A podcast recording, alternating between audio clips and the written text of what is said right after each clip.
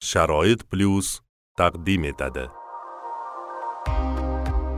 Sharoit plyus podkast loyihasi.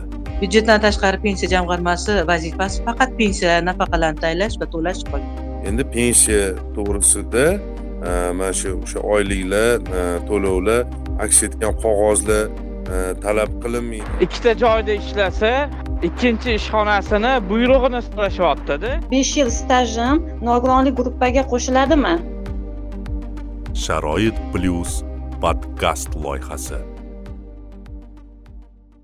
Bizning internetdagi manzilimiz uch w nuqta sharoit plyus nuqta uz assalomu alaykum hurmatli tinglovchilar. Sharoit plyus nogironlar jamoat birlashmasining rasmiy telegram kanalida an'anaga muvofiq har juma bo'lib o'tuvchi bizni bizni mana shu suhbatlarimizga barchangiz e, xush kelibsiz va barchangizni g'oyibona ko'rib turganimizdan e, juda yam xursandmiz va e, bugungi mavzuyimiz judayam ko'pchilik e'lonlarda o'qidi va ko'pchilikni qiziqtirgan mavzu. Nogironligi bo'lgan shaxslarga pensiya tayinlanishi va ish stajiga ega bo'lgan nogironligi bo'lgan insonlarni pensiyalarini qayta hisoblash e, yokida yana judayam dolzarb savollardan biri e, nogironlik va yoshga doir pensiyalar o'rtasidagi mutanosiblik ya'ni e, qaysi biri o'sha afzalliklari va nima deydi tanlash borasida nimalarga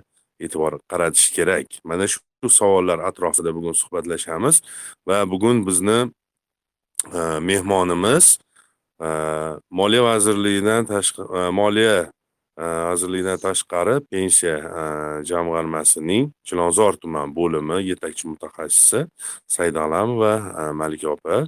Assalomu alaykum malika opa. Assalomu alaykum. Yaxshimisizlar rahmat. Dasturimizga.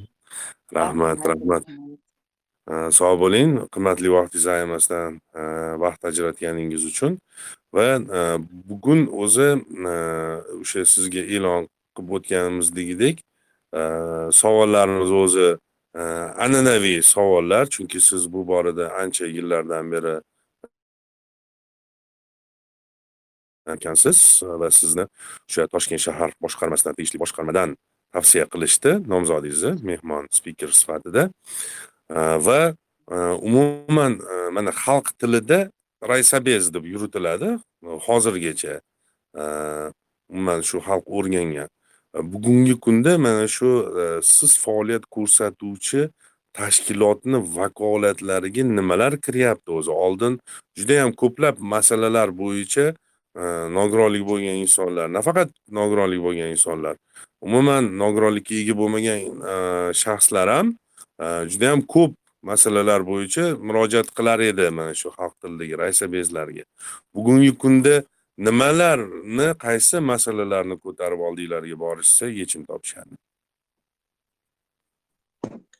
Assalomu alaykum. Haqiqatdan xalq tilida raysa bezlik yuritilgan ijtimoiy ta'minot sotsiальное обеспечение deb yuritib kelingan bu sovet davridan boshlab ikki ming o'ninchi yildan Mm, yangi qaror bilan e, birinchi yanvar ikki ming o'n birinchi yildan boshlab respublika miqyosida byudjetdan tashqari pensiya jamg'armasi tashkillashtirilgan. Byudjetdan tashqari pensiya jamg'armasini vazifasiga asosan faqat pensiyalarni tayinlash nafaqalarni tayinlash va ularni to'lovini amalga oshirish kirgan. E, shu tashkillashtirilgan paytda e, ijtimoiy ta'minot ya'ni rais obezlarni vakolati bo'lingan. Faqat pensiya masalalari byudjetdan tashqari pensiya jamg'armasiga o'tkazilib qolgan vakolatlar e, respublika sog'liqni saqlash vazirligi tasarrufidagi e, ijtimoiy yordamni shakllantirish tashkillashtirish deb nomlansa kerak shu bo'limga o'tkazilgan. Faqatdan o'ninchi yilgacha ijtimoiy ta'minotni e, vazifasi judayam keng ko'p qirrali bo'lgan pensiyadan tashqari ijtimoiy yordam ko'rsatish bo'lgan yolg'izlarga yolg'izlarga xizmat ko'rsatish bo'lgan ortopedik mahsulotlar berish sihatgohlarga yo'llanmalar berish yakka yolg'izlar ro'yxatini shakllantirib ularga yordam ko'rsatishlar kiritilgan. Lekin o'n birinchi yil birinchi yanvardan boshlab pensiya jamg'armasi shakllantirilganidan keyin bu narsalar уже bo'linib bu, bu vakolat faqat byudjetdan tashqari pensiya jamg'armasi vazifasi faqat pensiya nafaqalarni tayinlash va to'lash qolgan. Hozir mana endi fuqarolar pensionerlar o'rganib qolishgan raysobez degan idoraga kelgandan keyin hamma masalan hal qilgisi keladi. Lekin hozir man vazifalar bo'linganligi munosabati bilan hozir ular ikkita tashkilotga pensiya nafaqalar masalasida bizaga va qolgan ijtimoiy masala ijtimoiy yordamlar masalasida tumanni sog'liqni saqlash bo'limiga murojaat qilishlari mumkin. Bilishadi ancha xalq ancha narsaga o'rganib ko'nikib qolishgan har holda. Rahmat. Albatta bu borada sizlarni ko'rsatayotgan sifatli xizmatinglarni ham o'rni katta bo'ladi. E, insonlarni boxabar e, bo'lishlariga. E, demak keling endi bevosita nogironlik masalasiga yuzlanamiz va nogironlik nafaqalari. Nogironlik nafaqasi deganda o'zi shaxsan mani ko'z oldimga birinchi bo'lib nimagadir nogironligi bo'lgan farzandlari bor ota onalar ko'z oldimga keladida. Boshida suhbatimizni boshida ularga bitta e'tibor berib ketamiz. Umuman e, pensiya e, yoshini e, belgilanishida o'zi nogironligi bor farzandlari mavjud onalar ayniqsa eshitganman ularni pensiyaga chiqish yoshlarida birmuncha farq bor deyishadi. Umuman mana bizani ko'p shu shunaqa ota onalar tinglashadida bizani loyihamizni va mana shunaqa savollar ham kelib tushgan. Umuman nogironligi bor farzandlari mavjud e, otalar yoki onalarni pensiyaga chiqishlari e, jarayonida qanaqa nimalarga e'tibor qaratish kerak? Mm-hmm. Nogiron farzandli oilalar bor. Bu balkim ekologiya balkim e, nima deydi nasliy holat. Har holda bugungi kunda nogiron farzandli oilalar ko'p. Bu farzandlar nogironligi agar o'n sakkiz yoshgacha belgilangan bo'lsa bular bolalikdan nogiron farzandlar deb e'tirof etiladi. Bu xulosalarni meditsina tashkilotlari poliklinikalar yashash joyi manzillari bo'yicha poliklinikalardan vrachlar maslahatxonasi vkk xulosasi bilan belgilanadi. Bunaqa farzandi bor farzandli oilalarga asosan onalarga birinchi o'rinda farzandiga agar e, meditsina xulosasi berilsa farzandi o'n sakkiz yoshga yetgunga qadar nafaqa tayinlanadi nafaqa miqdori bir xil o'n sakkiz yoshgacha guruhlar belgilanmaydi. Faqat bola bolalikda nogiron deb e'tirof etiladi va meditsina xulosasiga asosan o'sha har ko'rsatilgan muddatlarda e, vkk ko'rigidan o'tkazib boriladi. Ikki yilga berishadi. Asosan e, juda bir xil kasalliklar bor. Ularni birdan berib o'n olti o'n sakkiz yoshga to'lgungacha ya'ni voyaga yetguncha pasport olgungacha deb beriladi. Bu o'tgan yildan boshlab o'n sakkiz yoshga yetkazilgan. O'n sakkiz yoshgacha deb hozir tayinlab e, to'lanib kelinyapti endi xuddi shu oila shu farzand nogiron bo'lgandan keyin ko'pchilik oilalarda onalar ishlolmaydi. Farzand tashlab iloji yo'q maktab bog'chalarga berisholmaydi bir xillari o'zini o'zi eplolmasligi sababli onalar uyda qolishga majbur bo'lishadi. Bu qonunda e, belgilangan imtiyozlardan biri masalan nogiron farzandi bor onaga agar ham ishlab turib ham nogiron farzandini qarasa yigirma yil mehnat stajiga ega bo'lsa nogiron farzandi onasi ellik yoshdan umumiy pensiya yoshidan besh yil oldin ya'ni ellik yoshda pensiyaga chiqish imkoniyati beriladi.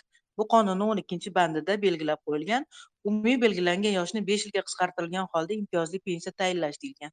Bu yerda aniq ko'rsatib qo'yiladiki bolalikdan nogiron farzandlarning onalari ularni sakkiz yoshgacha tarbiyalagan bo'lsa ish staji kamida yigirma yil bo'lgan taqdirda deyilgan. Yigirma yil. Endi bu yigirma yilga o'sha ishlangan davr kiradi. E, e ellik yoshdan bular pensiya olishlari mumkin. Endi boshqa nima masalan ishlash imkoniyati yo'q. Faqat farzandini qarab o'tirgan ayollarga onalarga ellik besh yoshdan tayinlanadi. Bunda ish haqidan e, ish haqi so'ralmasdan respublika bo'yicha belgilangan minimal eng minimal pensiya miqdori tayinlanadi. Bunda ham baribir stajga bu ikki stajga bola parvarishi ham kiradi. Qonunda uchta bandida nogiron farzandi bor ayollarga berilgan imtiyoz ko'rsatilgan. O'n ikkinchi bandi besh yil pensiyaga bog'liqroq chiqish huquqini bergan bo'lsa hozir mana yangi belgilangan qonunda bir ming to'qqiz yuz mm, e, ikki ming o'n to'qqizinchi yil birinchi martdan boshlab chiqqan anaqaga asosan ellik besh yoshga to'lgan nogiron farzandi bor onalarga nafaqalar tayinlash ham ko'zda tutilgan. Buni ham miqdori xuddi shu miqdorda e bu ko'pchilik shu narsaga qiziqadidek keladi. Masalan ishlamay uyda o'tirib faqat farzandini o'zini qarab o'tirgan davrni olib pensiya chiqsin deyiladi. Pensiya bilan nafaqani farqi bor. Pensiyaga talab qo'yilgan staj bor pensiya talab qo'yilgan yosh bor.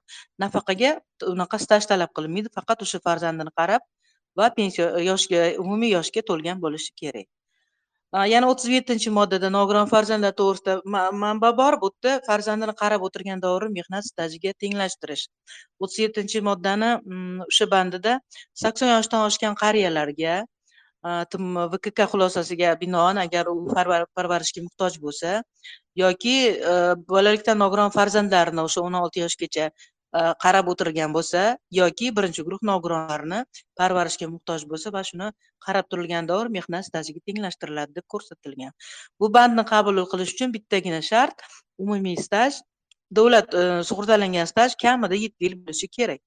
Shu bandga qo'shimcha yetti yil stajlari bo'lsa bunga qo'shimcha farzand parvarishi yoki nogironlarni qaraganlik e, yoki qariyani qaraganlik davri qo'shilib pensiya tayinlanishi mumkin. Shu nimada mana mana shu holatlarda nogiron farzandi bor oilalarga shu e, nimalar qonunda ko'zda tutilgan.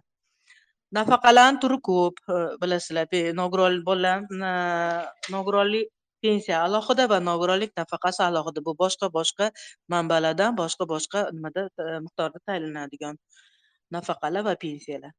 Nafaqalarni turi o'n sakkiz yoshgacha nogiron bolalarga alohida u yerda nogironlik guruhi belgilanmaydi va o'n sakkiz yoshdan oshgandan keyin voyaga yetganligi sababli pasport olinadi.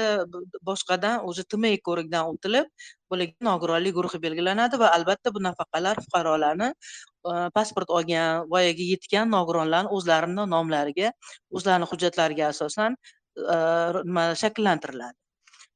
Summa miqdorlari bir xil. Miqdorlari masalan o'n sakkiz yoshgacha ham o'sha qat'iy respublika bo'yicha belgilangan minimal miqdor va o'n sakkiz yoshdan keyingi ham faqat u yerda birinchi ikkinchi guruh belgilangan birinchi ikkinchi guruh nogironlarga berilgan miqdor bir xil.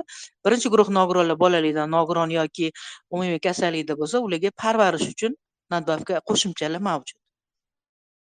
Shu hozircha ulug'bek tushunarli. Rahmat malika opa shu yerda bitta oydinlashtiruvchi bir savol berib ketmoqchi edim. Demak misol uchun bir oila bor. Turmush o'rtog'ini nogironligi bor. Birinchi guruh nogironligi bor va o'sha rafiqasi misol uchun unga qaragan va parvarish qilgan.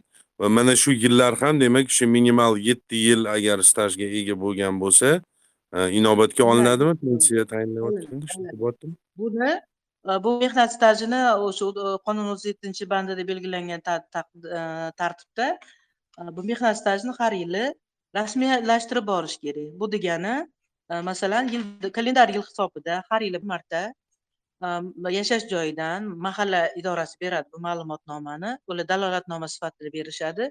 Shu fuqaro masalan turmush o'rtog'i birinchi guruh nogironi parvarishga muhtoj va Э, turmush o'rtoqlari ishlamasdan boshqa biror bir nima bilan shug'ullanmish turmush o'rtoqlarini parvarishlar bilan band degan ma'noda ma'lumot e, dalolatnoma qilib berishadi. Pensiya jamg'armasiga fuqaro buni olib kelganlaridan keyin pensiya jamg'armasi mutaxassisi bir yilda bir marta dalolatnoma qilib dalolatnomani hujjatlarini o'sha pensiya oluvchi birinchi guruh nogironni pensiyaga ishiga tikib qo'yishi va bu narsalarni elektron tarzda yuritiladigan ro'yxatga kirgizib qo'yishi shart. Shu holatda bu staj stajga turadi bu nimaga ayollarga. Ular shunchaki birinchi guruh nogironini qarab yuribman mana qarayapman degan so'zlari o'tmaydi. Bu har yili bir marta hujjatlar rasmiylashtirilib yig'ilib yurilishi kerak. Hujjatlar pensiya jamg'armasiga yashash joyi bo'yicha topshirilishi shart. Bir yilda bir marta kalendar yil uchun mahalladan dalolatnoma pensiya jamg'armasini xodimini dalolatnomasi birgalikda ro'yxatdan o'tkazilib elektron shaklga kiritilib elektron ro'yxatga va o'sha pensioneri pensiya ishiga tikib qo'yilishi kerak. Shu holatda bu staj ketaveradi staj har yili inobatga olinadi. Tushunarli. Judayam foydali ma'lumot bo'ldi. To'g'risini aytsam man eshitmagan edim. Har yili bu ma'lumotni yangilab turish kerak degan masalani mana siz huzur siz asosan anaqa bizada bilasiz respublikada eng ko'p anaqalar yashaydigan manzil chopon ota mahallasi chilonzorda joylashgan u yerda ko'p haqiqatdan parvarishga muhtoj ham bor va o'sha parvarish qilib turganlar ham bor. Ular ko'proq murojaat qilishadi ko'proq kelishadi. Endi bu birinchidan oilani sharoitini birinchidan ham yengillashtirib ham davlat tomonidan yordam o'sha fuqaroni mehnat stajiga ega qilish va oiladagi nogiron ham qarovsiz qolib ketmasligi kerak. Juda chiroyli anaqa bu. Bu qonunni to'g'ri tushirib to'g'ri nima qilib talqin qilinsa judayam yaxshi. Judayam yaxshi rahmat. Endi mana shu nogironligi bo'lgan insonlarni nafaqalari o'sha pensiyalari to'g'risida e, biroz gaplashsak e, judayam e, ko'pchilik savol beradi. Mana shu fiksированный summa miqdori hammada bir xil. Misol uchun qanaqadir staji bo'lmasa o'sha bir xil summada oladi kompensatsiyalarida farq bo'ladi deyishadida. O'zi umuman mana mm, mana shu fiksированный summani miqdori shakllantirilishida o'zi nimalarga e'tibor qaratiladi. Masalan e, go'yoki kimdirlar aytadi pensiyamiz judayam kam deydi kimdirlar aytadi e, xudoga shukur yetyapti deydi masalan. Shunaqa savollar ham bo'ladi. Endi to'g'ri endi qarang. Bu hozir man boshida aytib o'tdim. Nogironlik pensiyasi bu alohida bitta qonun nogironlik nafaqasi bu qaror. Va nogironlik nafaqalari miqdorlari nogironlik pensiyalarini qat'iy miqdorlari bor. Masalan qat'iy miqdor degani fuqaroni ish haqi stajga ega bo'lsada pensiya qonuni bo'yicha agar nogironlik pensiyasini birinchi yoki ikkinchi guruhiga haqqi bo'lib turib hujjatlari stajlari ish haqlari yetarli bo'lsa ularni o'zlarini ish haqlari o'zlarini stajlariga yarasha o'shanga mutanosib ravishda pensiya tayinlanadi. Masalan birinchi guruh nogiron deydigan bo'lsak ular stajlari yoshlarga nisbatan talab qilingan staj bor qonun o'n yettinchi moddasida o'sha narsa ko'rsatib qo'yilgan har bir yoshda kimga qancha staj talab qilinadi? Bu yoshga doir pensiyaga nisbatan уже boshqacha. Masalan yigirma uch yoshga qadar ikki yil mehnat stajiga ega bo'lishi kerak. Yigirma uch yoshdan yigirma olti yoshga qadar uch yil stajga ega bo'lishi kerak. Yigirma olti yoshdan o'ttiz bir yoshgacha besh yil stajga ega bo'lishi kerak. O'ttiz bir yoshdan o'ttiz olti yoshgacha yetti yil stajga ega bo'lishi kerak. O'ttiz olti yoshdan qirq bir yoshgacha to'qqiz yil qirq bir yoshdan qirq olti yoshgacha o'n bir yil va qirq olti yoshdan ellik bir yoshgacha o'n to'rt yil ellik bir yoshdan ellik olti yoshgacha o'n yetti yil va ellik olti yosh va undan kattaga yigirma yil bir xil jinsidan qat'iy nazar. O'ta erkak ayol deb jinsiga bo'linmaydi. Mana shu shu mehnat stajiga ega bo'lgan fuqarolar masalan nogironlik guruhi berildi. Ularda bolalikdan nogironlik emas. Ularda umumiy kasallik keyinroq e, kasalga chalinib qolishgan baxtsiz hodisa bo'lishi mumkin har xil holat bo'ladi. Nogironlik belgilangandan keyin mehnat daftarchasi bor staji bilan kelishadi. Tmek ko'rigidan o'tib ularga guruh belgilangandan keyin hujjatlar bilan kelishgan paytda har bir fuqaroni o'zini e, nima deydi pensiya jamg'armasiga to'lagan to'lovlari bor. Sug'urta badallaridan shakllantiriladi pensiya. Masalan nimaga o'zbekiston respublikasi moliya vaziri huzuridagi byudjetdan tashqari pensiya jamg'armasiga bulardan ish haqlaridan har bir oylik ish haqidan o'tgan to'lovlar bor. O'shalar hisobidan shakllantiriladi. Bu degani oylik ish haqilar bularni olib sug'urta badallar to'lagan ish haqlaridan foiz belgilanadi. Birinchi guruhga masalan yoshga doir pensiyani yuz foizi deyiladi. Yoshga doir pensiya bu ellik besh foiz ish haqidan deyilgan. Ikkinchi guruhda xuddi shunaqa ellik besh foiz e, ish haqidan deyilgan. Bu uchun birinchi o'rinda ish haqi aniqlanishi kerak va mehnat staji aniqlanishi kerak. Hammada bir xil degani bu bularda qat'iy miqdordan chiqib ketmaslik. Bularda ish haqlari yo'q yoki ish haqlari kam. Lekin ish haqi kam bo'lsada lekin respublika bo'yicha belgilangan qat'iy miqdordan kam pensiya to'lash mumkin emas. Masalan ish haqqi bir million bo'lsada bulardan olti yuz yigirma ming pensiya bir milliondan chiqmaydi bir million ish haqidan. Endi uch to'rt million oylik oladigan nimalarda albatta pensiya miqdori ko'proq chiqadi. Bular asosiy miqdori ellik besh foiz bo'lsa ish haqidan o'rtacha ish haqidan ellik besh foiz tayinlansa ortiqcha yillari uchun bir foizdan qo'shimcha ham bor. Kattaroq yoshda ishlagan kattaroq yoshda nogironligi chiqqan fuqarolar kelishsa ularda staj ko'p bo'ladi. Ish haqlari ham katta bo'lsa albatta pensiyasi katta chiqadi. Endi yoshroq paytda staji kamroq ish haqi kam bo'lib kelgandan keyin respublika bo'yicha belgilangan qat'iy miqdordan kam pensiya tayinlanishi mumkin emas. Qat'iy miqdor mana har doim har yili prezident farmoni mana bu ish haqilar stipendiyalar oyliklarni oshirish to'g'risidagi farmonda belgilab qo'yiladi. Biza o'sha nimadan kam tayinlashimiz mumkin emas. Kam chiqqan holatda ham o'sha summaga yetkaziladi. Hozir mana bilasizlar eng kam pensiya miqdori respublika bo'yicha birinchi sentyabrdan boshlab olti yuz yigirma uch ming pensiya miqdori. Ijtimoiy nafaqalar olti yuz yigirma ikki ming mana ikki ming yigirma birinchi yil birinchi sentyabrdan pensiyalar va nafaqalar miqdori shunaqa belgilangan. Kam chiqqan holatda ham biz undan kam to'la olmaymiz programmada qonunda bu ko'zda tutilgan va programma xuddi shu qonunga asoslab belgilab qo'yilgan. Endi bir foiz ko'pchilik so'raydi mana stajim manimchada mani navbatim kam deydi pensiyam kamroq bo'lib qoldi deydi. Bu pensiya beriladigan ustamalar ham birinchi guruh uchun bor boshqacha. Birinchi guruh ko'z ojizlar uchun boshqacha ustamalar umumiy kasallikdan chiqqanlar uchun boshqacha ustamalar belgilangan.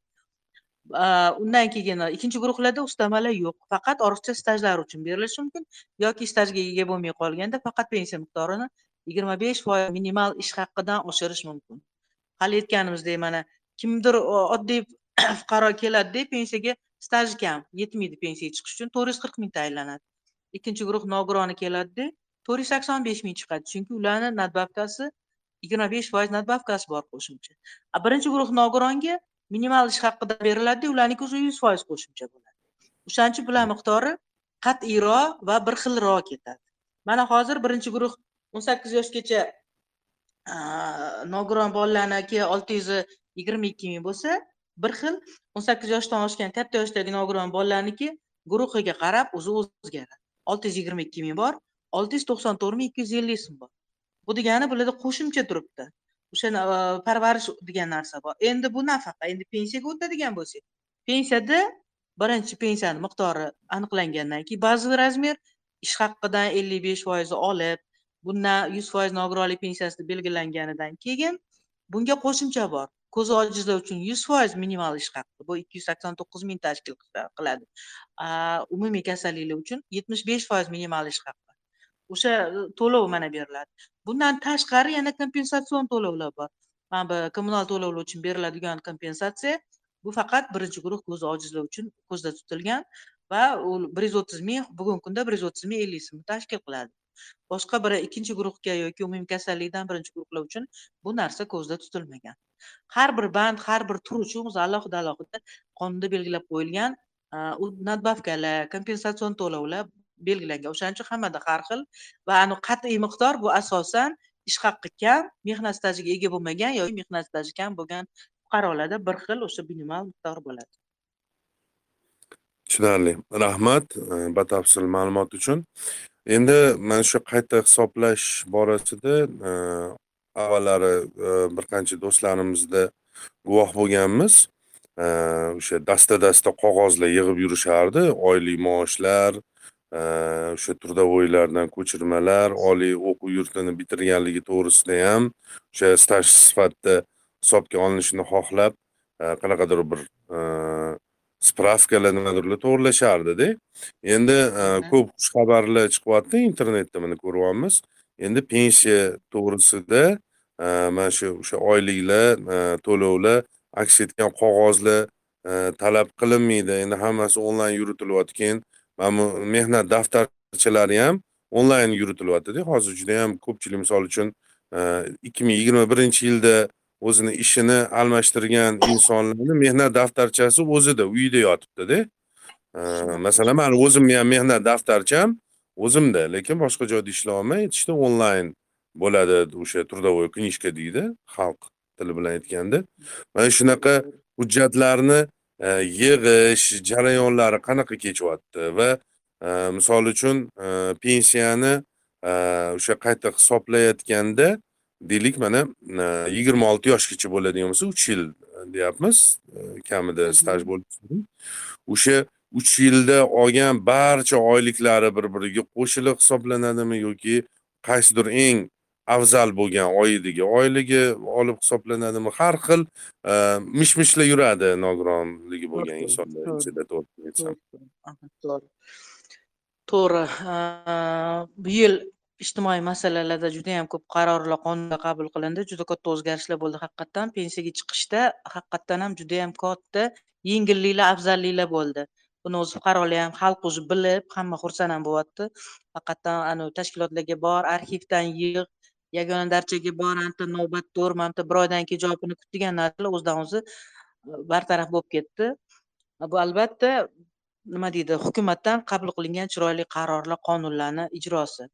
E, xabaringlar bor ikki ming yigirma birinchi yil uchinchi fevralda oltmish bir ellik besh sonli prezident farmoni qabul qilindi. Judayam katta dastur bilan u yerda asosan yoshlarga bag'ishlangan edi va o'sha dasturda o'ninchi bandi pensiya jamg'armasiga taalluqli edi. Aynan pensiyalarni tayinlash tartibi to'g'risida juda katta o'zgarishli qabul qilingandi bu yerda albatta yigirma birinchi yil birinchi iyundan boshlab mehnat stajlari faqat mehnat daftarchasida yozilgan yozuvlarga asosan ikki ming beshinchi yilgacha bo'lgan davri olinsin degan so'zni o'zi ancha odamlarga yengil bo'ldi e, ko'pchiligiga ma'qul ham bo'ldi. Pensiyaga chiqish yengillashdi judayam. Bu yerda yana ko'rsatilgan edi anavi uch yil davomida tayinlangan pensiyalar. Keyin undan oldingi tayinlangan pensiyalarni qayta hisoblab aniqlangan ortiqcha to'lovlar bo'lsa bu to'lovlardan hammasidan kechib yuborish to'g'risida bo'lgan edi. Ishlovchi fuqarolarga mana o'n to'qqizinchi yildan boshlab bu narsa chiqqan edi.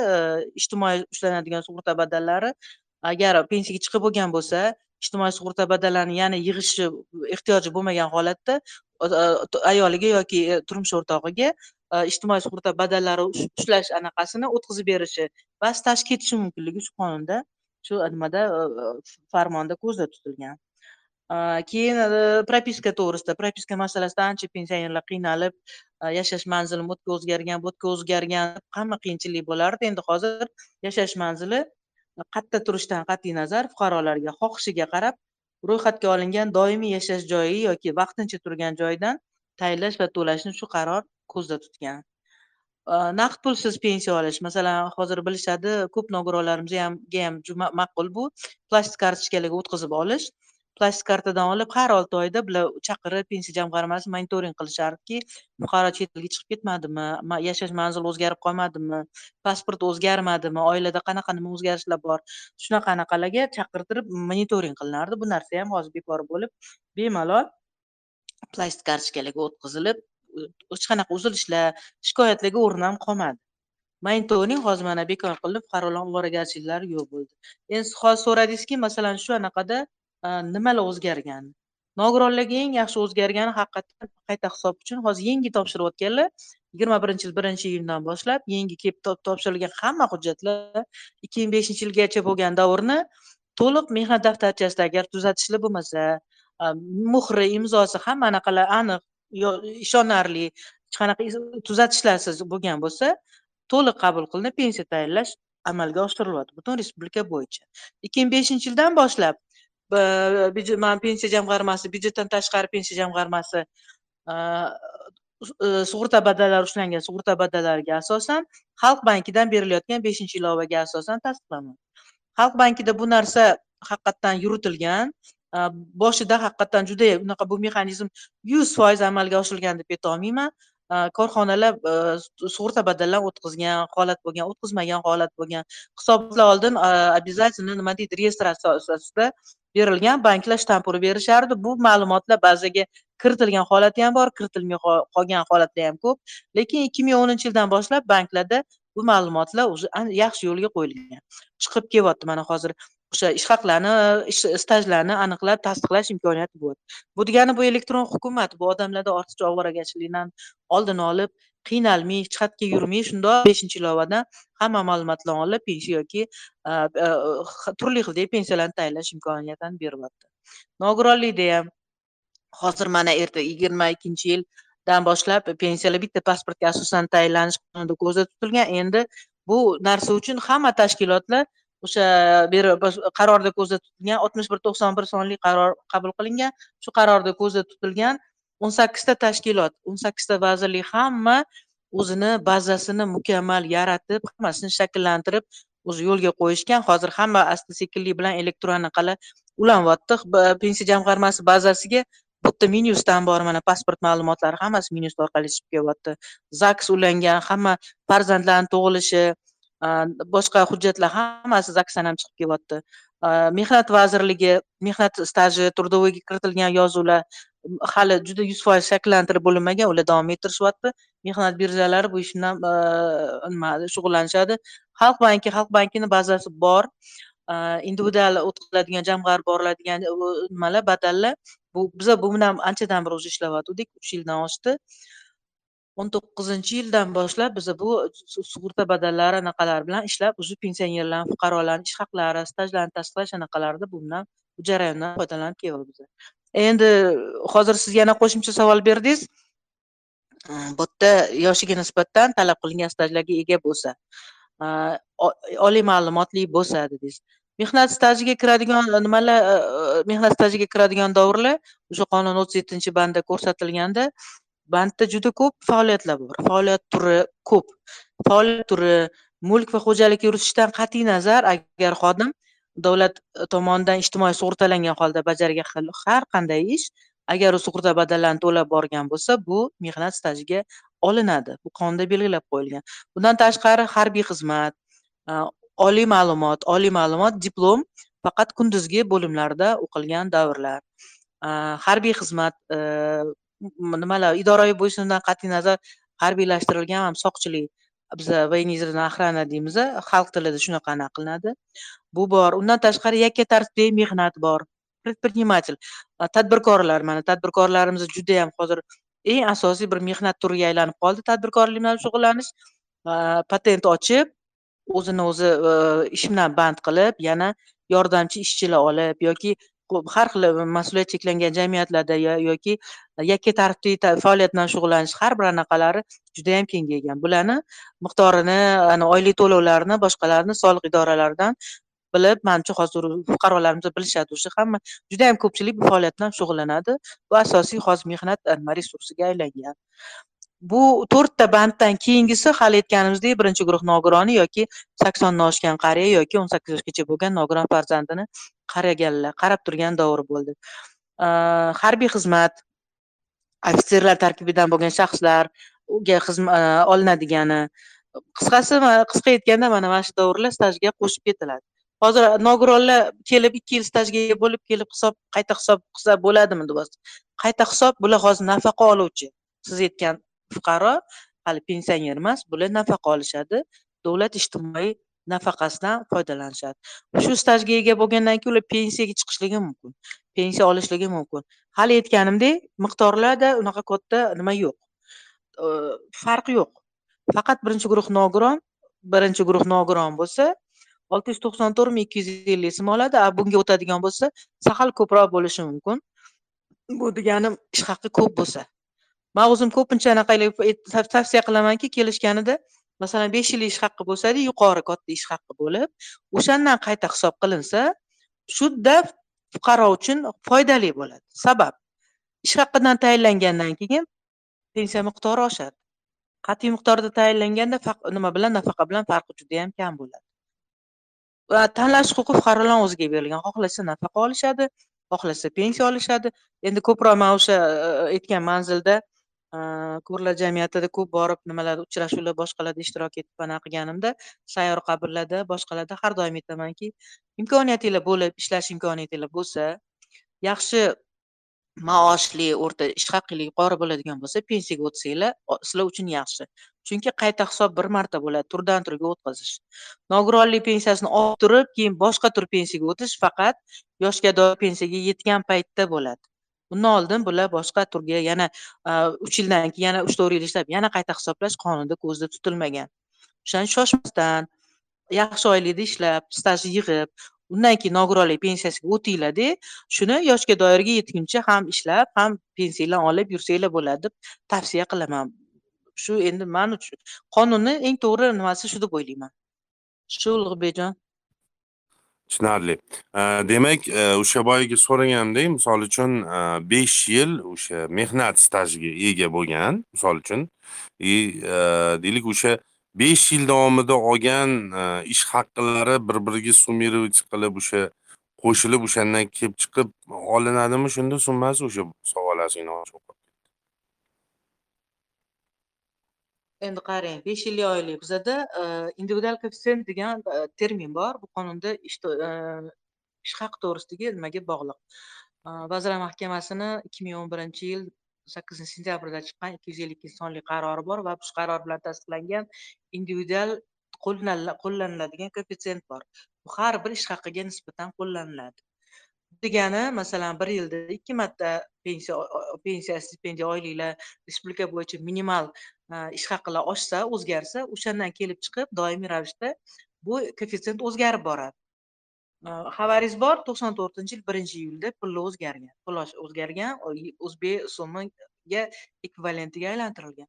Shu narsani oshirish darajasi haligacha yetib kelyapti bu individual koeffitsient moliya vazirligi tomonidan постоянно tasdiqlanadi. U nazoratda turadigan nima?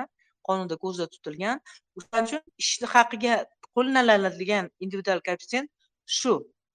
Besh yil stajini besh yil ish haqini olib kelinsa bular fuqaro qachon murojaat qilsa murojaat qilishdan bir oy oldingi e, oy individual koeffitsient qo'llanilgan oy deb hisoblanadi va o'sha paytdagi minimal ish haqidan kelib chiqib ko'rib chiqiladi. Va albatta bu ish haqi chegaralanadi.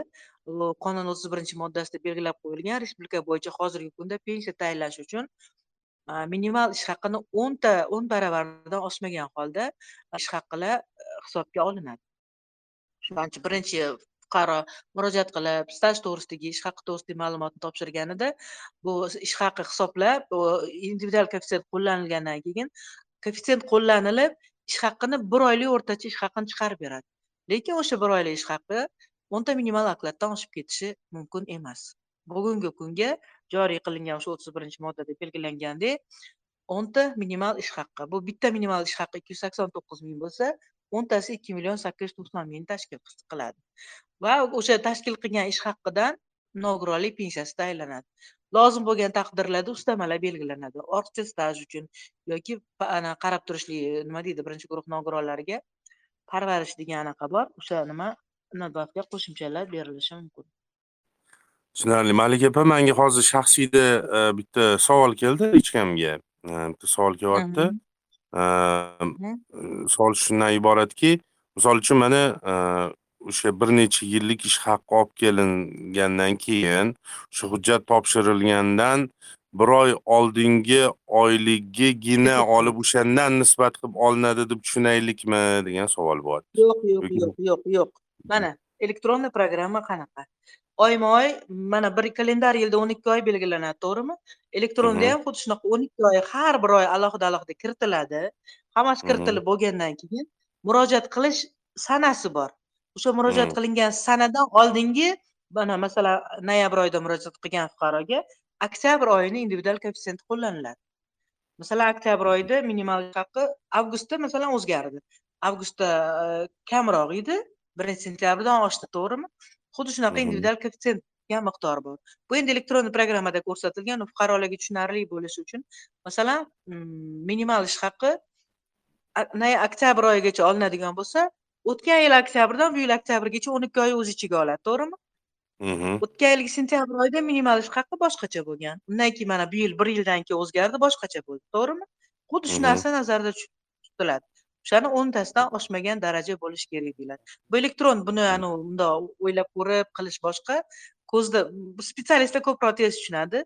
Yilma yil yil har bir oy oyma oy kiritib chiqiladi kiritilgandan keyin buni hisoblaganda o'zini hisoblash darajasi bor va ko'rsatish nimasi bor o'sha qo'llanilish tartibi bor. Bu albatta fuqarolar uchun foydali. Bunaqa kamaytirish nima degan emas. O'sha olingan ish haqi masalan besh yil oldin kam bo'lganku besh yil oldingi oylikni hozirgi kunga tenglashtirish darajasi.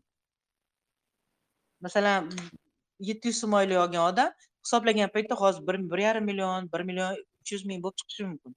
Oshib boradi. Chunki har yili ikki martadan qayta hisoblanib pensiya minimal ish haqi oshib oshib borganku o'shani nisbati bu. Tushunarli. Manimcha bu tinglovchimiz e, mana bu narsani nazarda tutgan deylik besh yillik stajni e, olib keladi misol uchun e, to'rt yarim yil yoki to'rt yil davomida deylik e, besh baravarigacha bo'lgan miqdorda oylik olgan lekin e, haligi ishlar yaxshi bo'lib ketib e, o'nta minimalkadan balandroq oylik olishni boshlagan beshinchi yilida o'shanda pensiyam yaxshi chiqadimi degan savolni qo'yyaptilar manimcha. Albatta yaxshi chiqadi. Chunki biza masalan hamma oilani kirgizganimizdan keyin bu tuzatish koeffitsiyenti qo'llanilganidan keyin hammasi yig'iladi umumiy summa keyin oltmishga bo'linadi. Shunda kam ko'p hammasi qo'shilib oltmishga bo'lingandan keyin o'rtacha chiqadi. Albatta ko'p yillari ani kam yillarini yopib ketadi o'rtacha ish haqi normal yaxshi chiqadi deb hisoblayman. Masalan ko'pchilik besh yil oldin oyliklar kamroq bo'lgan. Hozir oyliklar miqdorlar oshyapti. Tashkilotlar katta oyliklar yaxshi yaxshi oyliklar boshlashdi. O'zgarishlar borku baribir to'g'rimi? Sezilarli o'zgarishlar bor. O'shaning uchun judayam foydali bo'lishi mumkin tushunarli rahmat demak bevosita interaktiv qismiga o'tamiz suhbatimizni tinglovchilarimizdan savollar qabul qilishni boshlaymiz dilmurodjondan iltimos qilaman. Mikrofonlarni yoqib berib tursangiz. Shuhrat shomurodov ismli tinglovchimiz marhamat mikrofoningizni yoqing marhamat shuhrat murodov assalomu alaykum. Assalomu alaykum. Salom Aa, men boya bot orqali ham savol jo'natgan edim mani yoshim yigirma to'qqizda olti Mhm. yillik ish stajiga egaman va перерасчет перерасчет qilish kerak ya'ni qayta hisoblatsang shuncha nima chiqadi deyishgandida. Ha to'g'ri pensiya miqdoring oshadi deyishgandi. Aa, keyin bu перерасчет qilganim boya savollarga ham birmuncha javob berib ketdingiz oldinroq. Endi hozir davomiga o'taman. Men ertaga oltmish yoshga pensiyaga chiqqanimda u qanday bo'ladi? Ta'sir qilmaydimi hozirgi olayotgan? Agar перерасчет qilib olsam pensiyani qanaqa qaysi ma'noda so'ramoqchisiz kam bo'ladi yo ko'p bo'ladi demoqchimisiz? Ha ha masalan oltmish yoshda men pensiyaga chiqamanku o'zi shundoq ham qarilik pensiyasiga. И bu yoqda stajim ham bor. Bu keyin ertaga men hozirdan agar перерасчет qildirib boyagi nafaqadan pensiyaga o'tadigan bo'lsam oltmish yoshga chiqqanimdan keyin pensiyaga u keyin nimamga ta'sir qilmaydimi? Masalan pensiya olishimga qarilik pensiyamga yo'q yo'q. Turdan turga o'tish pensiyasi bu qonunda ko'zda tutilgan. Bu narsa bor. Chunki ko'pchilik mana nogiron bo'ladida keyin yoshi yetgandan keyin уже yo- yoshga yoshi pensiya yoshiga umumiy pensiya yoshiga to'lgandan keyin pensiyaga o'tishga haqli. Tanlash huquqi o'zingizda qoladi. Sizga qaysi biri qulay qaysi biri ma'qul bo'lsa o'shani olasiz masalan sizga nogironlik pensiyasi hozir katta chiqar balkim. Katta oylikdan kam stajingiz bo'lsa ham katta pensiya chiqsada erta ishlaysizmi ishlolmaysizmi yoshingiz to'lgandan keyin ham nogironlik sizga umrbodga belgilangan to'g'rimi? Mani tushunishim bo'yicha. Ha. agar umrbodga belgilangan bo'lsa umrbod olishingiz mumkin. Lekin nogironlik pensiyani olib turib mana hozir ham ishlayverib katta oylikda yaxshi ishda ishlab stajingizni yig'ib boraversangiz oltmish yoshga to'lganingizdan keyin bemalol pensiyangizni yoshga doirga o'tkazib olishga haqqingiz bor tanlash huquqi bor sizda turdan turga bir marta o'tish huquqi qonunda belgilangan.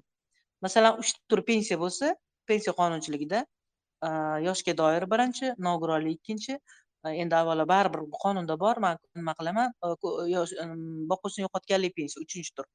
Bu fuqaroga agar uchta turdagi pensiya haqqi huquqi bo'ladigan bo'lsa tanlab bittasini tanlash huquqi berilgan. Bu qonunda ko'zda tutilgan. O'shaning uchun siz hozir bemalol qayta hisoblatib nafaqadan yoshga doir nogironlik pensiyaga o'tib olib u pensiyani olib ham ishlab tursangiz yoshga doir pensiya olish uchun nimangiz yetganda yoqda yoshingiz to'lib staj yetgan paytda man o'tish xohlayman desangiz siz uchun foydali bo'lsa o'tishga haqqingiz bor. Bu qonunda belgilab qo'yilgan bu sizni haqqingiz bu sizni huquqingiz. Demak pensiya miqdoriga ham bu ta'sir qilmaydi yo'q hech qanaqa ta'sir qilmaydi. Bizada hozir judayam ko'p man manimcha deb aytolmayman.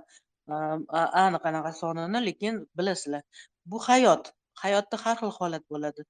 Qonunda belgilab qo'yilgan konstitutsiyada belgilangan fuqarolar soliqini qisman yo'qotgan holatda davlat tomonidan ijtimoiy kafolatlanadi nimasi soliqni tiklash uchun va balkim vaqtincha balkim umrbodga belgilanar. Bu qonunda bor narsa. Sizda bu nogironlik belgilangan bo'lsa sizni imkoniyatingiz bo'lmasa davlat tomonidan berilayotgan pensiyani olib sog'lig'ingiz ko'tarsa ishlab mehnat faoliyatingizni davom ettirib yoshga doir pensiyaga qachon huquqingiz bo'lsa yoshingiz to'lsa siz uchun foydali bo'lsa o'tish imkoniyatingiz yuz foiz bor rahmat rahmat. Marhamat keyingi tinglovchimiz? Mhm. shohruh ismli tinglovchimiz marhamat. Marhamat shohruh assalomu alaykum. Assalomu alaykum. Assalomu alaykum bitta savolim edi man qarshidanman masalan mana bitta ikkita joyda ishlab turib bitta davlat tashkilotida bitta o'zida tadbirkorlik joyida ishlab turib ikkita joydan oylik olgan paytingizda qayta hisoblatgan paytda o'sha oylikni qaysi birini a, hisoblaydi? Ya'ni qaysi oylikda hisobidan pensiya tayinlanadi. Bilasizmi hozir tadbirkorlik faoliyati ham davlat ishi chegaralanmagan cheklanmagan. Xohlasangiz ikkalovida ham ishlab ikkalovidan ham mm, ish haqqi haqi daromad topib и pensiya hisoblatganingizda ikkala ikkalasini ham olsangiz bo'ladi. Masalan yakka tartibingizga patentingizni налоговый tasdiqlab beradi sizni oyma oy muayyan to'lab borgan sug'urta badallaringiz to'g'risida. Bular e, bizada programmada belgilab qo'yilgan individual tadbirkorlik individual to'lovlari bu oylikka tenglashtirib beriladi programmani o'zida. Va ikkinchi davlat tashkilotidan olgan ish haqqingizni ma'lumotlari o'sha agar nima qilsa e, ele- elektron shaklda hozircha endi baribir hali qog'oz varianti atmen bo'lmagan e, o'sha ma'lumotnomangizni olib kelsangiz ham patent ham ish haqqingiz qo'shilib bemalol o'rindoshlik hisoblanadi bu. Asosiy ishingiz asosiy. Ikkinchi vazifangiz qaysi biri keyinroq boshlangan bo'lsa e, o'rindoshlik qilib ikkita ish haqqi qo'shilib pensiyaga hisobga olinaveradi Qonunda rahmat. o'rindoshlik bilan ishlash bor bemalol. Imkoniyat bo'lib soliq ko'tarib ishlab o'ziga oilasiga moddiy ma'naviy berilish bu juda yam yaxshi. Bunaqa chegaralashlar hozir qonunda yo'q. Tushunarli rahmat. Salomat bo'ling. Rahmat shohrux E, davom etamiz. Navbatdagi savol marhamat assalomu alaykum Manga botga shu Sharoit Plus a, botiga bir qancha savollar tushgan. A, Shularni man hozir eshittiraman. Mhm.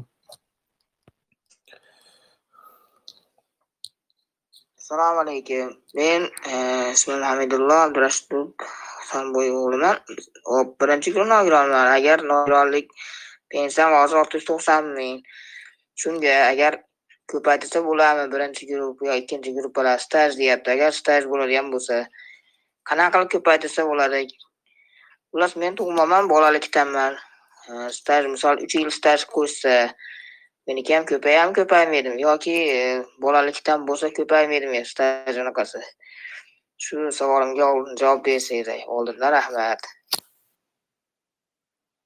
Mana shu savol edi. Endi bu hozir biza o'sha boshidan boshlab aytib o'tgan anaqamiz nogironlik bilan nogironlik nafaqasi olarkanlar birinchi guruh nafaqa qo'shimchalari bor. O'shaning uchun olti yuz to'qson to'rt ming ikki yuz ellik so'm oladilar bular o'n sakkiz yoshdan katta bolalikdan nogironlikka kiradi bularni nimasi. Endi hozir shu olti yuz to'qson to'rt mingni olish uchun pensiyaga chiqarish uchun ham bularga qo'yilgan hali aytganimdek pensiyaga o'tsalar e, talab qilingan staj bor albatta ish haqlari bor. Endi bularda ishlash imkoniyati bormi yo'qmi man uni eshitib deyolmayman lekin hali aytganimizdek ularni yoshlarida talab qilingan stajga va hali aytganimizdek o'sha olti yuz to'qson to'rt mingdan хотя бы olti yuz ming chiqishi uchun bir million uch yuz mingdan oshiqroq ish haqqi. Bu degani bularda ishlash imkoniyati bo'lib oylari kattaroq bo'lsa hisoblab ko'rish mumkin. Masalan pensiya jamg'armasiga murojaat qilsalar elektron tarzda hisoblab berishadi va bunga parvarish qo'shiladi. Ikki yuz sakson to'qqiz ming parvarish o'sha qo'shib beriladi o'sha pensiyalarni ustiga. Man o'shaning uchun ko'proq nima qilamanki kimda ishlash imkoniyati bo'lsa qator oylikda ishlab хотя besh yil ish haqidan birato'la normalniroq pensiya qilinglar deyman. Birinchi guruhlar chunki ko'pchilik ishlaydi. Hozir kimdir korobka taxlaydi kimdir plastmas narsalar ishlab chiqarishda ishtirok etadi. Chunki ko'rlar jamiyatini anaqalari bor har xil sexlar e, ishlab chiqarish korxonalari bor. Mas'uliyat cheklangan jamiyatlar ochilgan. Plastmas narsalar ishlab chiqarishadi shotkada ishlashadi ko'p joylarda ishlashadi. Ular ish haqlari nimalari bilan qiziqib turaman. И doim nima qilamanki yaxshiroq oylikda ko'proq ishlab bitta yaxshiroq bitta pensiya qilib olinglar. Chunki pensiyaga bir marta o'tgandan keyin qayta hisoblash degan narsa yo'q. Nafaqadan nogironlik pensiyasiga o'tish bor. Qayta hisob degan narsa yo'q. Qayta hisob qachon qilinishi mumkin? Qachonki pensiyani oshishiga e, sabab bo'ladigan nima? Prezident farmoniga asosan qayta hisoblanishi mumkin. Buni bir nimasi yo'qda u uchun faqat prezident farmoni qabul qilinishi kerak. Pensiyalarni pensiya miqdoriga ta'sir ko'rsatadigan staj oylik ish haqi to'g'risida birinchi o'sha. Faqat nafaqadan pensiyaga o'tishda. Ikkinchisi nogironlik guruhi o'zgarsa ikkinchi guruhdan biriga yoki birdan ikkiga o'tib qolgan holatda. Boqishni yo'qotganliklarda oila a'zolari soni o'zgarsa kamaysa yoshiga to'lib chiqib ketsa yoki boshqa nimalar kirsa boshqa oila a'zolar kirsa. Yoki o'sha prezident farmoniga asosan bu respublikada beriladi berilgan har doim belgilab kelingan bajarib kelingan vazifa eng kam oylik ish haqi miqdorlari o'zgargan taqdirda yoki indeksatsiya. Boshqa sabablar yo'q hozir qayta hisob uchun. Bu hozir nogironligiga o'tib olganlaridan keyin boshqa qayta hisob qila olmanglar man o'shaning uchun aytamanki olti yuz to'qson to'rt ming bu nafaqa ijtimoiy nafaqa birinchi guruh katta yoshdagi bolalikdan nogironlarga berilgan. Stajim yetarli oyligim katta desalar yashash joylari bo'yicha pensiya jamg'armasiga murojaat qilsinlar albatta hisoblab o'tkazib berishadi Man hozircha o'qib turaman boshqa savollar botga kelgan. Assalomu alaykum. Ortiq aka degan ismli tinglovchimiz. Man birinchi guruh nogironiman. Travma позвоночник pensiyani nechi pul olishim kerak degan savol endi bularda manimcha mani tushunishim bo'yicha agar tug'ma bo'lmasalar nogironlik yoshlari katta yoshda kattaroq yoshda olgan bo'lsalar va balog'atga yetgandan keyin umumiy kasallikdan bo'lishi mumkin. Hozir bular sababini ko'rsatmabdilar. Bolalikdanmi yoki keyin bu katta yoshda bo'lganlarmi? Imkoniyat bo'lsa shuni anaqa qilish kerak. Endi birinchi guruh nogironlar hali aytib o'tganimdek nafaqa asosiy miqdori olti yuz yigirma ikki ming va ikki yuz to'qson to'qqiz ming qo'shimchasi bor birinchi guruh nimalarga parvarish qo'shimchasi. O'shaning uchun ular faqat sababini ko'rsatishlari kerak umumiy kasallikdanmi qanaqa bola nimadanmi bolalikdanmi sababini ko'rsatsalar nafaqa manimcha bular olsalar kerak. Man iloji bo'lsa manzil anaqalar tashlashsa bo'ldi polni yozsa man tekshirib programmadan nimalardan respublika bo'yicha qarab ko'rib ularga javob yozma javob bergan bo'lardim. Rahmat katta malika opa bo'lmasa man ortiq akadan iltimos qilgan bo'lardim. E, ko'p e, batafsilroq ma'lumotni sharoit plyus botga jo'natishlikka biza albatta malika opaga berib qo'yamiz ma'lumotni. Adreslari bilan adreslari bilan tug'ilgan yillari to'liq oy kun chislolari bilan tashlasalar bemalol man yozma ravishda ularga elektron javob berib boraman. Rahmat katta keyingi savolimiz salomat avezovdan man shaxsiyga yubordilar. E, savolim e, bolaligimdan nogironligi bo'lgan shaxsman oliy ma'lumotliman sakkiz yil ish stajiga egaman. Nogironligi bo'lgan nafaqamga ish staji qo'shimcha qo'shiladimi? Savol. Yoshlari nechi deligini aniqlashtiring iloji bo'lsa agar salomat aka yoshingiz nechida iltimos chatda yozib yuboring adashmasam bir ming to'qqiz yuz sakson uchinchi yil tug'ilganlar salomat aka sakson Ol. yil bo'lsalar почти qirqdalar o'ttiz sakkizdalar o'ttiz to'g'rimi sakkiz. o'ttiz Mhm. sakkiz yoshdalar ha to'qqiz yil talab qilingan bularga staj hozir. Endi o'qishlari ham to'qqiz yilni tepasiga o'qishlari ham qo'shiladi kunduzgida o'qigan bo'lsalar. Baribir hali aytganimizdek ish haqi e, borda bu yerda ish haqi rol o'ynaydi. Agar pensiyaga o'tmagan bo'lsalar ish haqlarini olib pensiya jamg'armasiga taqdim qilishlari kerak. Xuddi shu e, hisoblab ko'riladi. Agar bular uchun pensiyaga o'tish ma'qul bo'lsa o'tkazishadi. Talab qilingan staj to'qqiz yil o'ttiz olti yoshdan qirq bir yilgacha. Bu to'qqiz yilga stajlari bor bo'lsa unga qo'shimcha ravishda o'qish ham inobatga olinadi. Shunda ham stipendiyalar inobatga olinmaydi lekin to'g'rimi? Faqat yil hisobida staj uchun. staj yo'q o'qish olinadi stipendiyalar fuqarolarni iltimo nimasiga talabiga ko'ra olinsin deyilgan lekin man buni hech ham praktikada ko'rmaganman to'g'risi. Sababi stipendiyani miqdori birinchidan judayam kam o'zi. Keyin uni olib qo'shgan bilan baribir minimal miqdordan kam chiqadi. Stipendiyalar katta emasku to'g'rimi? O'rtacha ish haqini umumiy tartibi masalan bu yerda aytilgan fuqaroni nimasiga qarab o'qish davrida to'langan stipendiyani pensiya to'rab e, so'rab murojaat qilgan fuqaroni xohishi bilan olish mumkin ish haqiga tenglashtiriladi deyilgan. Lekin stipendiyalar miqdori ish haqidan yuqori emas. A bizada belgilangan minimal miqdor bilan olish uchun bir yarim ikki bir yarim million bo'lishi kerak bir oylik ish haqi kamida. A stipendiyalar unaqa katta summada bo'lmasa kerak manimcha. Bu bu masalani man yana so'rab bularga qo'shimcha ravishda xabar beraman. Anaqaga yozib qolsinlar botga yozib qolsalar stipendiyalar masalasini qo'shishi. Bular besh yillik ish haqqi uchun desalar masalan ularni ehtiyoj nimalariga nisbatan nima deydi xohishlari bilan olinishi mumkin. Bu yetmay qolgan oilani nol bilan olmaslik uchun stipendiyalarni qo'shish imkoniyatini beradi. Rahmat. Dilmurod bormi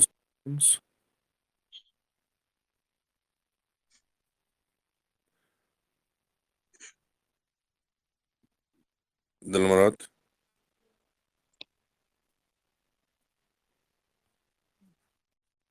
man hozir rahmat katta javob uchun E, eshitilyapmanmi eshitilyapsiz E, man hozir aniqlashtirdim tug'ilgan yillari yigirma yettinchi iyul e, sakson uchinchi yil ekan ya'ni adashmadik manimcha to'g'rimi?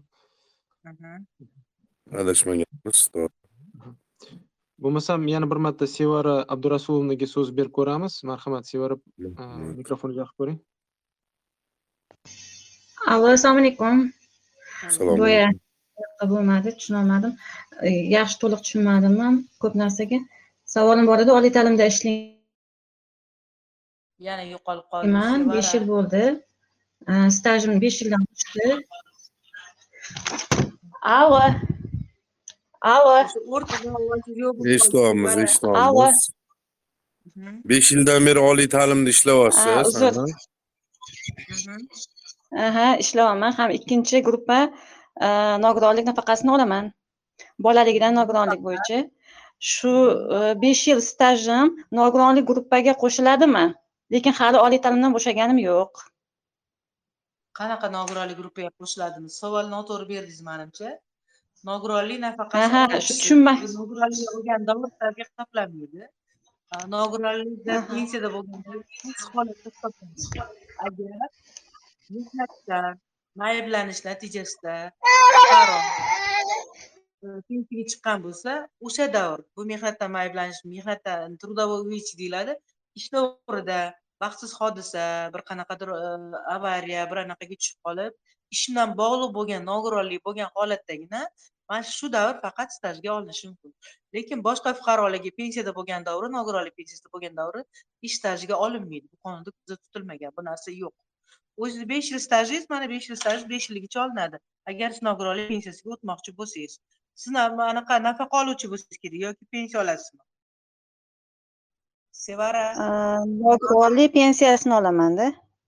Pul olasiz agar sir bo'lmasa olti yuz yigirma ikki ming manimcha nafaqa olasiz hozirgi oshgan narxi bilan. O'sha olti yuz aha nafaqa olarkan ha yoshingizni ham yeta olasizmi? Yoshim o'ttiz uch yoshda. Tak o'ttiz uch yoshda sizga talab qilingan staj yetti yil yetti yil talab qilinadi. Endi to'liqsiz sizga hisoblashi mumkin to'liqsiz staj qilib to'liqsizdan tayinlab lekin bu sizni pensiyangizni oshiradi deb o'ylamayman. Chunki ikkinchi guruhga eng kam pensiyasi to'rt yuz qirq ming to'liqsiz staj bilan. A sizga hozir bolalikdan olayotgan nafaqangiz olti yuz yigirma ikki ming tashkil qiladi. Bu to'rt yuz yigirma ikki mingga biza yigirma besh foiz qo'shimcha bersak to'rt yuz sakson besh ming tashkil qiladi. O'shaning uchun man sizga pensiyaga o'tishni tavsiya qilmayman siz. Uchun hozir e, o'sha bolalikdan nogironlik nafaqasini olish foydali. Tushunarli rahmat katta rahmat. Savol uchun va javob uchun ham. Marhamat yana ikkita tinglovchini qabul qilamiz. Shu bilan vaqtimiz chegaralangan. Albatta yana keyin batafsil boshqa savollarni hamma o'zini turar joyi bo'yicha ham o'sha boya aytib o'tganimizdek, xalq tilida raisa bezlariga murojaat qilib bilishlari mumkin bo'ladi. Marhamat Ha, boshqa qo'l ko'targan tinglovchilarimiz yo'q ekan man botimizda o'zimni ham shaxs- ha, yodgor rajametov qo'l ko'tardilar marhamat marhamat yodgor aka marhamat assalomu alaykum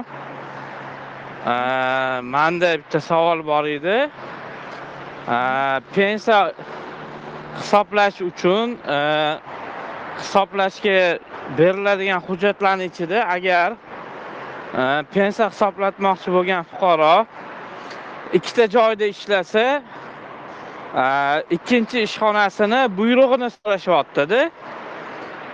Lekin agar shartnoma asosida ishlayotgan bo'lsa o'sha shartnomani olib borilsa pensiya hisoblatish uchun buyruq o'rniga o'tadimi yoki o'tmaydimi shuni bilmoqchi edim. Va e, bu bu nima bu nima bilan bog'liq?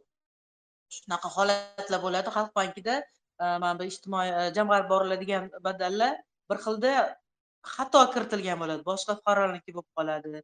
O'shaning uchun biz bir xilda o'sha o'rindoshlik bo'lgan holatlarda aytamiz tashkilot haqiqatdan o'rindoshlik bilan ishlagan bo'lsangiz buyruqlardan ko'chirma bersin.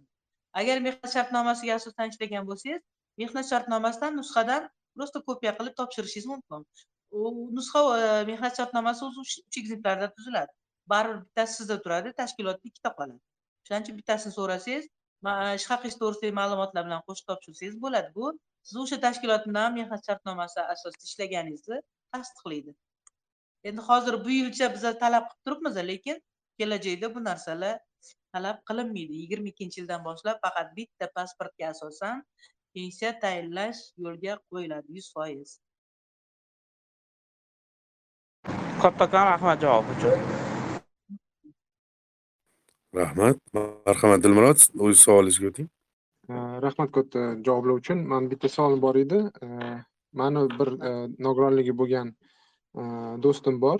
Ya'ni nogironlik holatini keyinchalik orttirgan birinchi guruh nogironligi bor. Lekin bolalikdan o'sha birinchi guruh e, nogironlik nafaqasiga qaraganda uni nafaqasi juda ham kam tayinlanganda ya'ni keyinchalik orttirilganligi tufaylimi yoki nimaga bir xil holat ya'ni jismoniy holati bir xil bo'lsa ham boshqa birinchi guruh nogironligi bo'lgan bo- odamlarga o'xshaganda uni o'sha pensiyasi o'sha nafaqasi e, har har xil bo'lib qolibdi pastroq kamroq. Bu birinchisi edi. Ikkinchi savolim e, nogironlik pensiyasini e, va nafaqasi deganda e, ikkita har xil narsa tushuniladi manimcha. Man aniq shuni farqiga bormayman. Ya'ni nafaqa va pensiya o'zi nima farqi bor bularni orasida? Rahmat katta javobim uchun. Salomat bo'ling. Birinchi savolingizga javob beraman. Sizni do'stingiz sog' salomat bo'lib yurganlarda bu orttirilgan kasallik emas bolalikdan tug'ma emas. Bolalikdan nogironlik degani bu qanaqadir e, sog'lig'ida biror bir kamchilik biror bir organni yaxshi ishlamasligi e, sog'lig'i bilan bog'liq bo'lgan va ularga bolalikdan tug'ma yoki bolalikdan deb sakkiz yoshgacha belgilangan kasalliklarni aytishadi kattaroq yoshda orttirilgan kasalliklar masalan voyaga yetgandan keyingi bo'lgan kasalliklar bular umumiy kasallik deb hisoblanadi. Umumiy kasalliklarga talab boshqacha yoshga nisbatan hali kurs aytganimizdek talab qilingan staj va ish haqi bor. Albatta bular yosh bo'lib hali mehnatda ko'p stajlarga ko'p oyliklarga ega bo'lmasdan turib nogiron bo'lib qolgan bo'lsalar respublika bo'yicha belgilangan e, o'sha katta e, e, umumiy kasalliklardan nogiron bo'lganlarni miqdori bor. Bu to'liqsiz staj bilan pensiya tayinlash deyiladi. Bu qonunni sakkizinchi bandida belgilab qo'yilgan. Bor stajiga mutanosib ravishda tayinlash. Biza bunda to'rt yuz qirq mingdan kam tayinlamaymiz bu hozir oltmish bir qirq bir sonli yigirmada iyunda e, chiqqan qarorimiz bor o'sha qarorda belgilab qo'yilgan to'rtinchi iyundagi e, e, o'sha oltmish oltmish ikki qirq bir sonli farmonda belgilangan va bundan keyin biza tayinlashimiz ham mumkin emas. Oldin to'rt yuz ming bo'lgan birinchi sentyabrdan boshlab mana bu oltmish ikki yetmish to'qqiz sonli prezident farmoni pensiyalar ish haqlar stipendiyalarni oshirish bo'yicha belgilangan o'sha farmonga asosan to'rt yuz qirq ming tashkil qiladi. Endi siz aytmoqchisizki bolalikdan nogironlarniki ko'pda bularniki kam. Bu yerda qat'iy miqdor bor. Bolalikdan nogiron bo'lgan fuqaro ishlolmaydi u unga ijtimoiy davlat hisobidan ijtimoiy nafaqa tayinlanadi. Bu ijtimoiy yordam sifatida. A ikkinchi fuqaro sog'lom keyin e, keyinchalik e, kasal bo'lgan va bu kasallik sifati nima tufayli nogironlik belgilangan va nogironlik nafaqa emas bularniki уже pensiya tayinlanadi va pensiya bor stajiga mutanosib ravishda lekin respublika bo'yicha belgilangan eng kam pensiyadan kam bo'lmagan miqdorda. O'sha sababli bularniki to'rt yuz qirq ming va bolalikdan nogiron oladiganlar nafaqa oladiganlar olti yuz yigirma ming olishadi. Farqi shu. Ikkinchi savolingiz siz pensiyadan nafaqani farqini bilolmadim dedingiz birinchisi qonun bilan belgilangan nogironlik pensiyasi. O'zbekiston respublikasini fuqarolarni davlat pensiya ta'minoti to'g'risidagi qonuni bir ming to'qqiz yuz to'qson uchinchi yil uchinchi sentyabrda tasdiqlangan bu qonunga keyin o'zgartirishlar kiritildi. Mana yaqinda ham o'zgartirishlar kiritildi yana ayrim bandlarga qo'shimchalar kirdi. Masalan e, yetti yaqindagina mana o'tgan haftada yangi qabul qilingan qarorda ham e, ancha anaqalar bor o'zgarishlar berilgan. Bu ham pensiyaga taalluqli nafaqaga emas. Endi nafaqa aytganimizdek u vazirlar mahkamasini qarori bilan tayinlanib kelgan bir yuz yettinchi sonli qaror bo'lgan. O'sha qarorga asosan tayinlanib kelgan. Buni miqdori qat'iy belgilanadi va o'sha qat'iy miqdor har doim minimal ish haqidan kelib chiqib har bir pensiya nafaqalar e, ish haqlar stipendiyalarni oshirish to'g'risida farmon qabul qilinganda bitta qat'iy miqdor belgilanadi va shu hammaga bir xil to'lab bor. Pensiyalar farqi pensiyalar fuqaro qancha e, o'zi nimaga mm, ijtimoiy sug'urta badalarini to'lab o'zi mehnat faoliyatini stajini e, e, ishlab qanchalik huquqi bo'lsa o'sha stajga yarasha bor ish haqi va stajiga mutanosib ravishda o'sha oladigan pensiyani oladi. Va lekin eng kam pensiyadan kam bo'lmagan miqdorda deyiladi. Eng kam pensiya miqdori har doim belgilab qo'yiladi va nimada prezident farmoni chiqqanida va bu o'sha ramkadan o'sha nimadan chiqmaymiz eng kam masalan respublika bo'yicha bugungi kunda to'rt yuz qirq ming tashkil qiladi. Pensiyalar miqdorini eng kami to'liqsiz staj bilan mutanosib ravishda tayinlangan miqdorlar to'rt yuz qirq mingni tashkil qiladi. Farqi shu nafaqalar va pensiyalar. Katta rahmat. Batafsil keyin bitta e, so'nggi bitta savol bermoqchi edim. E, mana turar joy manzilini e, manzili to'g'risida boya biroz gap bo'ldi. Misol uchun fuqaro deylik bir yakkasaroy tumanida istiqomat qilgan o'sha yerda tug'ilgan e, o'sha nogironlik pensiyasini ham o'sha yerdan olgan bolalikdan. Lekin e, bir shunaqa bo'ldi nechidir yoshga yetganda o'ttiz qirq yoshiga yetganda boshqa manzilga ko'chdi. U pensiyasini ko'chirtirish jarayoni qanaqa bo'ladi? O'zi nima talablar bor? Agar masalan juda yam ko'pchilikdan eshitganman hali ko'chirtirmagan ham. Ancha yillardan beri boshqa tumandan o'zi yashayotgan joydan emas boshqa tumandan otasi onasi olib yuradi pensiyasini hmm. endi bu bilasizmi ko'p anaqalarni kelib chiqargani uchun ko'p fuqarolar masalan shaharda yashashadi viloyatda ro'yxatda turishadi yoki naоборот viloyatda shaharda ro'yxatda turishadi viloyatda ishlab yashashadi. Pensiyaga ovoragarchilik shunaqa anaqalar juda yam ko'payib ketgandan keyin bu nimani o'zgarish juda yam chiroyli va ma'qul bo'ldi. Masalan e, vaqtincha bu oldin vaqtincha propiska bo'lsa asosiy propiskada qayerda bo'lsa o'sha yerdan olsin degan talab qo'yiladi qonunda shu narsa belgilangan edi. Hozir vaqtinchami doimiymi qayerda propiskada bo'lsa fuqaroni ixtiyoriga yarasha. Xohlasa vaqtincha propiskada turgan joyidan olaversin xohlasa doimiy yashash joyidan olsin. E, Tanla nima o'zida? E, tanlash huquqi fuqaroni o'ziga qoldirilgan. И endi bu ko'chirish ma'nosi ro'yxatdan o'tgandan keyin pasport stoldan bular ro'yxatga qo'yilgandan keyin hozir pasportlarga shtamp urilmayapti ko'chirish nimalarini belgilaydigan varaqa qo'shimcha berilyapti.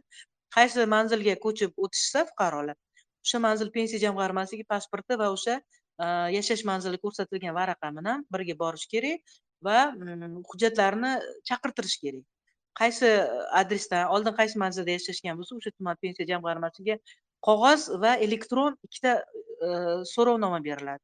Qog'oz variantiga pensiya ishi beriladi va elektron variant elektron va zaprosga asosan so'rovnomaga asosan tashlab beriladi. Bu degani har bir fuqaro pensiya jamg'armasiga murojaat qilganida hujjatlari jamlanib pensiya ishi shakli shakliga keltiriladi.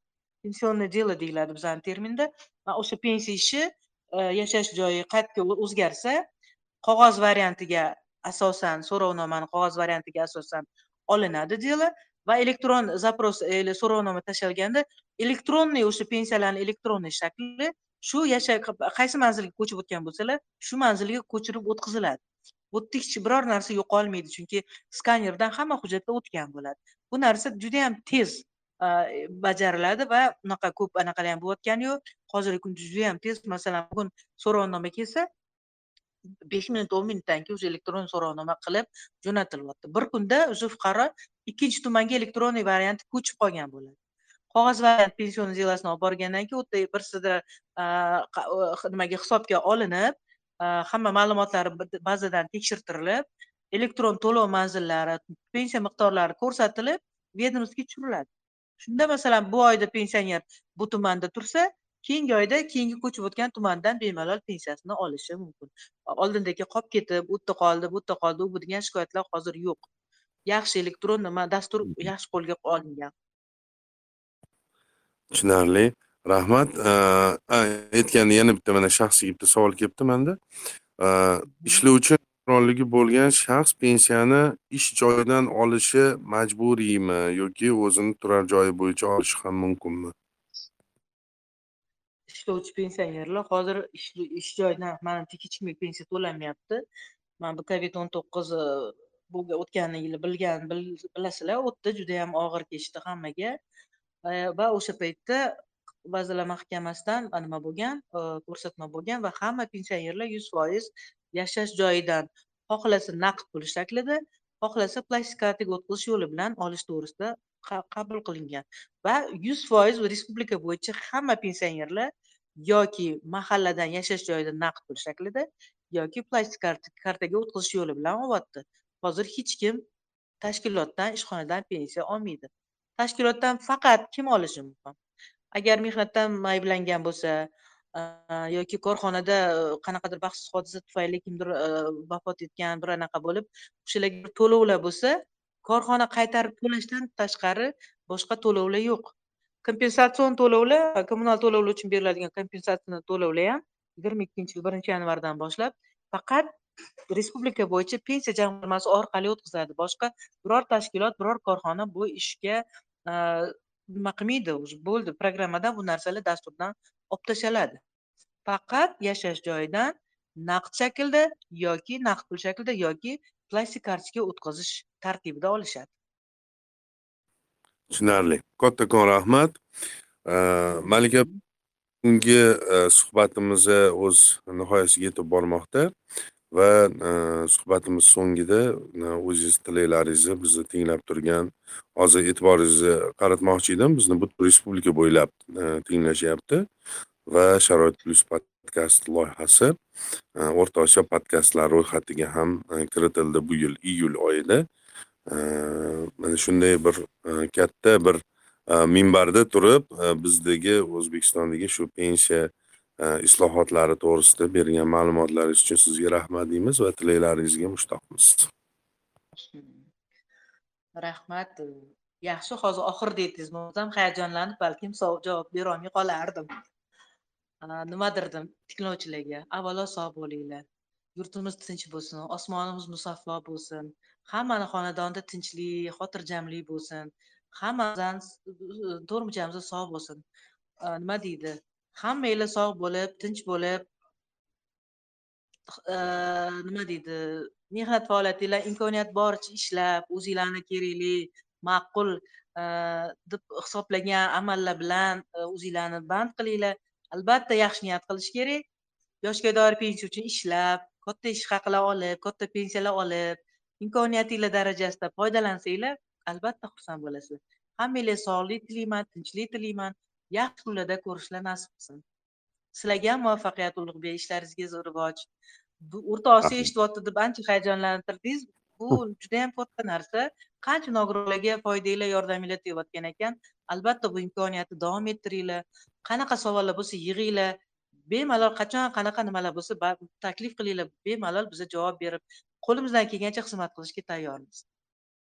Rahmat kattakon hurmatli tinglovchilar e, sharoit plyus podkast loyihasini navbatdagi sonida bugun e, byudjetdan tashqari e, pensiya jamg'armasining chilonzor tuman bo'limi yetakchi mutaxassisi said alamova malika opa qatnashdilar. Ularga o'z minnatdorchiligimizni bildiramiz. Siz bilan tinglovchilar mana shu podkastimizni navbatdagi sonlarida g'oyibona uchrashguncha xayrlashib qolamiz. Sog' bo'ling salomat bo'ling.